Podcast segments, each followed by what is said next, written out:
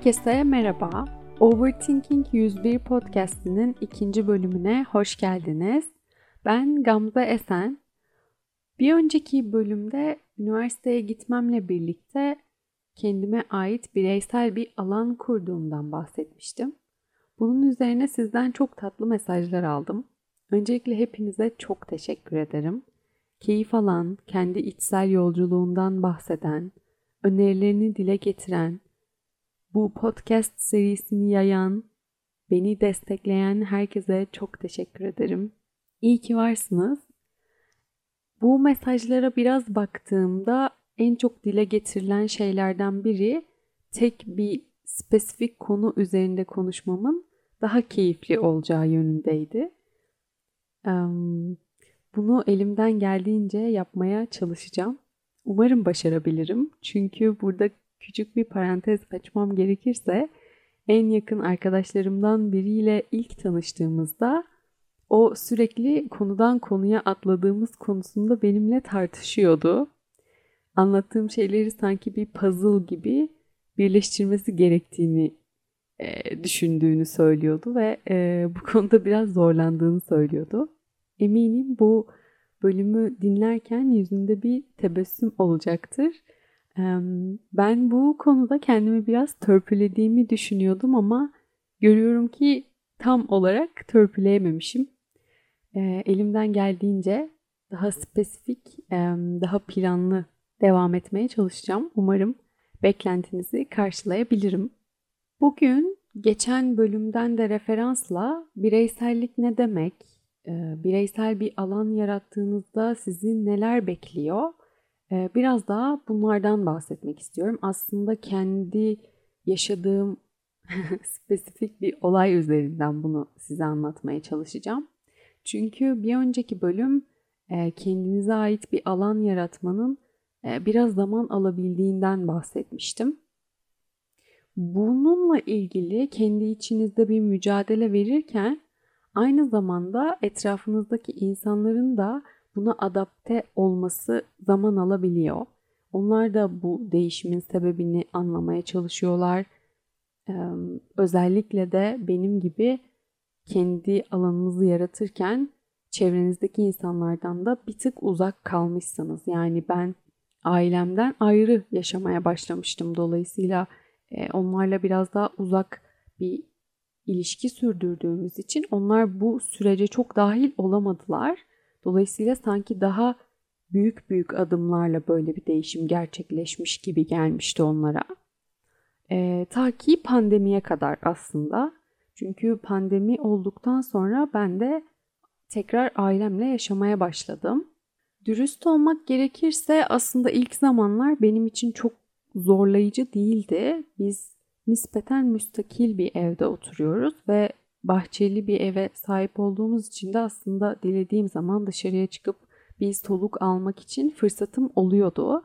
Dolayısıyla ilk zamanlar inanılmaz bunaltıcı, çok yoğun değildi. Sadece işte pandeminin getirdiği gerginlik ya da bir tık korku vardı. Hepimizde vardı ve bir noktada birbirimize saygı gösteriyorduk. Hmm, onun dışında böyle inanılmaz bunaltıcı bir süreç yaşamadım aslında. E, aynı zamanda üniversitenin de 3. sınıfının ikinci dönemiydi. E, dönem bitti. İşte yaza geçtik. Yazın birazcık daha esnedi. E, kurallar, işte dışarı çıkma yasakları filan. Yani o süreci kendimce biraz daha kolay atlattığımı düşünüyorum. En azından diğer insanlara, çevremde konuştuğum diğer insanlara göre. Ee, ama üniversitenin son senesine geçtiğimde inanılmaz yoğun bir seneye geçmiştim ve e, çok yoğun bir programım vardı. Çünkü Kanada'da bir okula başvurmuştum ve kabul almıştım. Önümde beni bekleyen bir IELTS sınavı vardı e, ve İngilizcem yeteri kadar iyi değildi. Diğer yandan bir tez yazıyordum. Yazdığım tez için saha çalışması yapmam ve insanlarla mülakat yapmam gerekiyordu. E, ve de işte psikolojide bazı derslerin e, projeleri vardı. Kendimce eminim belki farklı hayatlar içinde daha yoğun insanlar vardır ama kendimce, kendi potansiyelimce e, çok yoğun bir seneye girmiştim.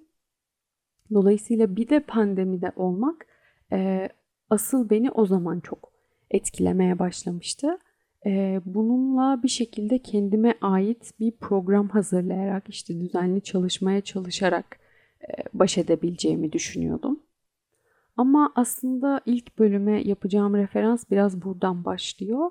Özellikle o senenin ikinci dönemi e, nispeten artık pandeminin etkilerinin azalmaya başladığı bir dönemdi. Ve işte birinci bölümde anlattığım o aile toplantıları, kahvaltılar, oturmalar, onlar bunlar hep geri dönmüştü artık. Dolayısıyla bir noktada e, benden de bunlara katılmam bekleniyordu. Çünkü artık ailemle bir arada yaşıyordum. E, bu konuya dair aslında bu konuyu biraz daha detaylı anlatabilmem adına e, size bir anımı anlatmak istiyorum. Bir gün kendime göre e, yoğun bir program çıkarttığım bir gün işte sabah kalkacağım, İngilizce çalışacağım, sonra ailemle kahvaltı yapacağım, sonra 2-3 gibi okulda dersim var, online derse gireceğim. İşte sonra sahaya çıkıp birkaç mülakat yapıp onların e, sonuçlarını çıkartacağım. Daha sonra da biraz daha İngilizce bakacağım filan gün bitecek. Kendime göre belirlediğim o e, günün programı bu şekilde. Kalktım. İşte ailemden ailemin zamanlamasına göre biraz daha erken kalkıyordum. İşte İngilizceye çalıştım. Sonra ailemle birlikte kahvaltı yaptım ve derse girdim. Dersten çıktıktan sonra annem geldi ve bana dedi ki işte beni şu şu kişiler aradı, seni sordular, işte bizi davet ettiler ve ben de birlikte geliriz dedim. Dedi. O an o kadar sinirlendim ki size anlatamam. Bunun tabii iki tarafı vardı. Birincisi benim adıma karar verdiği için çok öfkelenmiştim. İkincisi o plan ve programı biliyor olmasına rağmen çok ciddiye almaması beni çok tetiklemişti aslında. Ve işte biz o sırada biraz tartışmaya başladık. Hatta biraz değil bayağı kavga etmeye başladık. Annem benim e, kendime ait önceliklerim olmasını, o gün oraya gitmek istemiyor oluşumu bir noktada bencillik olarak algıladı. Aslında bugün o güne baktığımda annemin bu durumu o şekilde algılıyor olması bana çok garip gelmiyor. Çünkü onun yaşayış tarzını, aslında onun büyüdüğü ortamı düşündüğümde bu doğaüstü bir şey gibi gelmiyor. Çünkü onun döneminde bırakın benim bireysel bir alanım var demeyi ya da böyle bir farkındalık geliştirmeyi bunu dile getirmenin bile yasak kadar kötü bir şey olduğu dönemde büyümüş. Çünkü küçüksen itaat etmek zorundasın. Düşüncesinin olduğu bir e, ortamda büyümüş. Dolayısıyla onun buna yüksek bir çıkış yapmasını şu an anlayabiliyorum ama o zaman çok anlayamıyordum. Muhtemelen bunu o zaman anlatıyor olsaydım e, yine bu kadar sakin anlatamıyor olurdum diye düşünüyorum. Her neyse konuyu daha fazla e, dağıtmadan geriye döneyim. En son e, annemin bunu bencillik olarak algıladığını söylemiştim ve bir tartışmaya girdiğimizi söylemiştim. İkimiz de birbirimize epey yükseldikten sonra annem gitmeye karar verdi. Ben de işte gitmedim ve evde kaldım. Daha sonra ben bu tartışma üzerine birazcık düşünmeye karar verdim. Üstünden biraz zaman geçtikten sonra ve aslında durumun tam olarak benimle ilgili olmadığını fark ettim. Çünkü asıl mesele bir noktada aslında annemin kendisiyle ilgiliydi. Ee, yani bana bağırırken aslında şunu söylüyordu. Kendime ait bir alan yaratmak istiyorum. Bunu yapamıyorum ya da nasıl yapıldığını bilmiyorum. Çünkü böyle bir şey bana öğretilmemiş ya da ben fark etmemişim. Ee, sen yapabildiğin için de bir noktada tetikleniyorum ve sinirleniyorum. Aslında yani konunun benimle hiçbir ilgisi olmadığını fark ettikten sonra birazcık daha e, sakin bir taraftan artık bu duruma yaklaşabiliyor olduğuma karar verdim. Üstünden birkaç gün geçtikten sonra annemle bu düşüncemi e, birazcık daha şefkatli, daha sakin bir taraftan paylaştım. Ona aslında konunun benimle ilgili değil, kendisiyle ilgili olduğunu anlatmaya çalıştım. Ama o ilk etapta bunu duyduğunda bir tepki gösterdi ve bunu kabul etmedi. Ben de çok üstüne gitmedim. Ama dediğim gibi pandeminin etkileri de yavaş yavaş azalmaya başladığı için bu gitme gelme durumlarının sıklığı da artmaya başladı. Böyle olunca da bizim tartışmalarımızın sıklığı da artmaya başladı. Ee, ilk zamanlar gerçekten ben de epey yükselip işte yüksek tepkiler veriyordum. Sonra aslında az önce bahsettiğim şeyleri fark ettikten ya da e, fark etmeye başladıktan sonra o tartışma esnasında biraz daha sakin kalmaya, işte annemin de sakinleşmesini beklemeye ve o anda ona bunu anlatmaya çalıştım.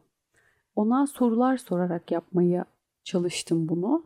Yani mesela neden o an bu kadar rahatsız olduğunu, ne olmasını istediğini, şu an nasıl davranırsam ona iyi geleceğini sordum.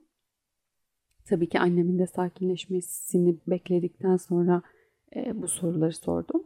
Ve e, bir noktada bu tartışmalar yerini biraz da ya da bu kavgalar diyeyim yerini biraz daha tartışmalara bıraktı. Gerçekten bunu artık o andan ziyade farklı zamanlarda da yapabilmeye başladık. Biraz daha zaman geçirebilmeye ve e, birbirimizi anlayarak, konuşarak, tartışarak bir noktaya taşıdık bu durumu. Yaklaşık bir yıl boyunca yaşadığımız bu inişli çıkışlı durumlardan sonra artık bugün ilişkimiz çok çok çok daha saygılı bir seviyeye evrildi. Yani bugün artık bir yere gitmemiz gerektiğini düşünüyorsa annem buraya gidip gitmek istemediğimi, bir planım olup olmadığını ya da kendisinin ne düşündüğünü gitmek istiyor ya da istemiyor. Çünkü daha öncesinde buna gerçekten gitmek zorundayız gibi bakıyordu. Şu an artık bunu düşünebiliyor bence.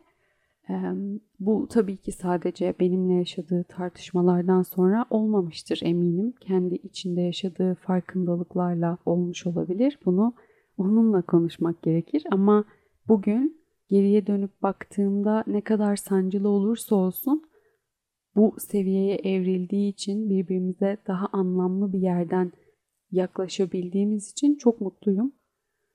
Bugün bu anıyı anlatarak anlatmak istediğim, varmak istediğim sonuç şu aslında. Ee, evet kendime ait bir alan yaratmıştım. Bunu kendi içsel çatışmalarımdan sonra yapmıştım falan filan ama bunun bir de çevremizdeki insanların adaptasyonu tarafı da vardı. Ee, bunun atlanmaması gereken önemli bir taraf olduğunu düşünüyorum. Hatta bugün bu bölümü buna ayırmamın da bence konuşmamız gereken bir kısmı olduğunu düşündüğüm için de ne olduğunu anlamaya çalışıyorlar. Belki değiştiğinizi, saygısızlaştığınızı iddia ediyor olabilirler ya da edecek olabilirler. Ee, ve bu gerçekten önemli bir konu bence. Eğer bir de iletişim kurduğunuz kişiler hayatınızda olmasını istediğiniz kişilerse ya da işte hayatınızdan çıkarmanızın bir noktaya kadar mümkün olmadığı yani benim annemle ilişkimde olduğu gibi kişilerse onların bu davranışlarına bir adım geriden bakmayı kendinize hatırlatmanızı tavsiye edebilirim. Bu durumun bir süre sonra onlarla iletişiminize yansıyacağını ve konfor alanını terk edip aslında gelişirken yaşanan o büyüme sancıları olduğunu fark edeceksiniz. Yani olaylara bir adım geriden bakmak onlarla kuracağınız iletişim dilini de anlamanızı sağlayacak bence. Çünkü mesela ben annemle sakinleştikten sonra ona soru sorarak, onun bana soru sormasına izin vererek ya da bir konuşma ortamına çevirerek aslında o tartışmayı bir iletişim kurdum. Bizim iletişim dilimiz buydu. Ee, sizin belki de bizimkinden çok daha farklı olacak. Ee, bunu sizin fark etmeniz gerekecek ama bir iletişim dili geliştireceğinizden hiç şüphem yok. e, etrafınızda kim olursa olsun. Ben bugün annemle yaşadım. Siz çok daha farklı biriyle ya da birileriyle bunu yaşıyor olabilirsiniz. Bence bu süreci kolaylaştıran iki tane şey var. Bunlardan bir tanesi kendi öncelik sıralamanızı belirlemeniz ki bence bu nispeten biraz kolay. İkincisi ise hayır diyebilmeyi öğrenmeniz. Ee, bu benim çok zorlandığım bir şey. Ee, hala üzerinde çalıştığım bir şey. Bugüne kadar aslında tam şu ana kadar özellikle bu hayır diyebilme konusunu ailemde daha kolay atlattığımı düşünüyordum. Çünkü daha yakın çevremde, arkadaşlarımda, belki romantik ilişkilerimde bu süreci daha zor geçiriyorum. Yani hayır diyebilmek benim için çok kolay değil. Ee, ve ben bu ana kadar aslında ailem cephesinde e, bunun çok daha kolay olduğunu düşünüyordum. Ama bugün anlattıklarıma baktığımda aslında o kadar da kolay değilmiş. Muhtemelen sadece duygularımı daha yüksek ifade edebildiğim için e, biraz daha hızlı geçirmişim gibi duruyor. en azından şu anda öyle hissediyorum. Her neyse bence en önemli iki şey buydu. En azından benim şu an fark ettiğim şeyler bunlar. Ee, dilerim bunlar sizin için de bir yol haritası olur. Belki e, siz de bunlar üzerine biraz düşünebilirsiniz. Belki de sizin için çok da zor olmayacaktır ve e, daha kolay geçireceksinizdir bu süreci. Bilemeyiz. Bu muhtemelen benim daha önce yaşadığım anılara, travmalara ya da farklı ilişkilere bağlıdır. Belki sizde daha kolay ya da zor olabilir. Bu arada sizin aslında az önce de bu konu üzerinde biraz durmuştum ama sizin kuracağınız iletişim bizimkinden çok daha farklı bir yol izliyor olabilir. Ee, sizin hayatınızdaki insanlar daha fazla direnç gösterecek olabilir.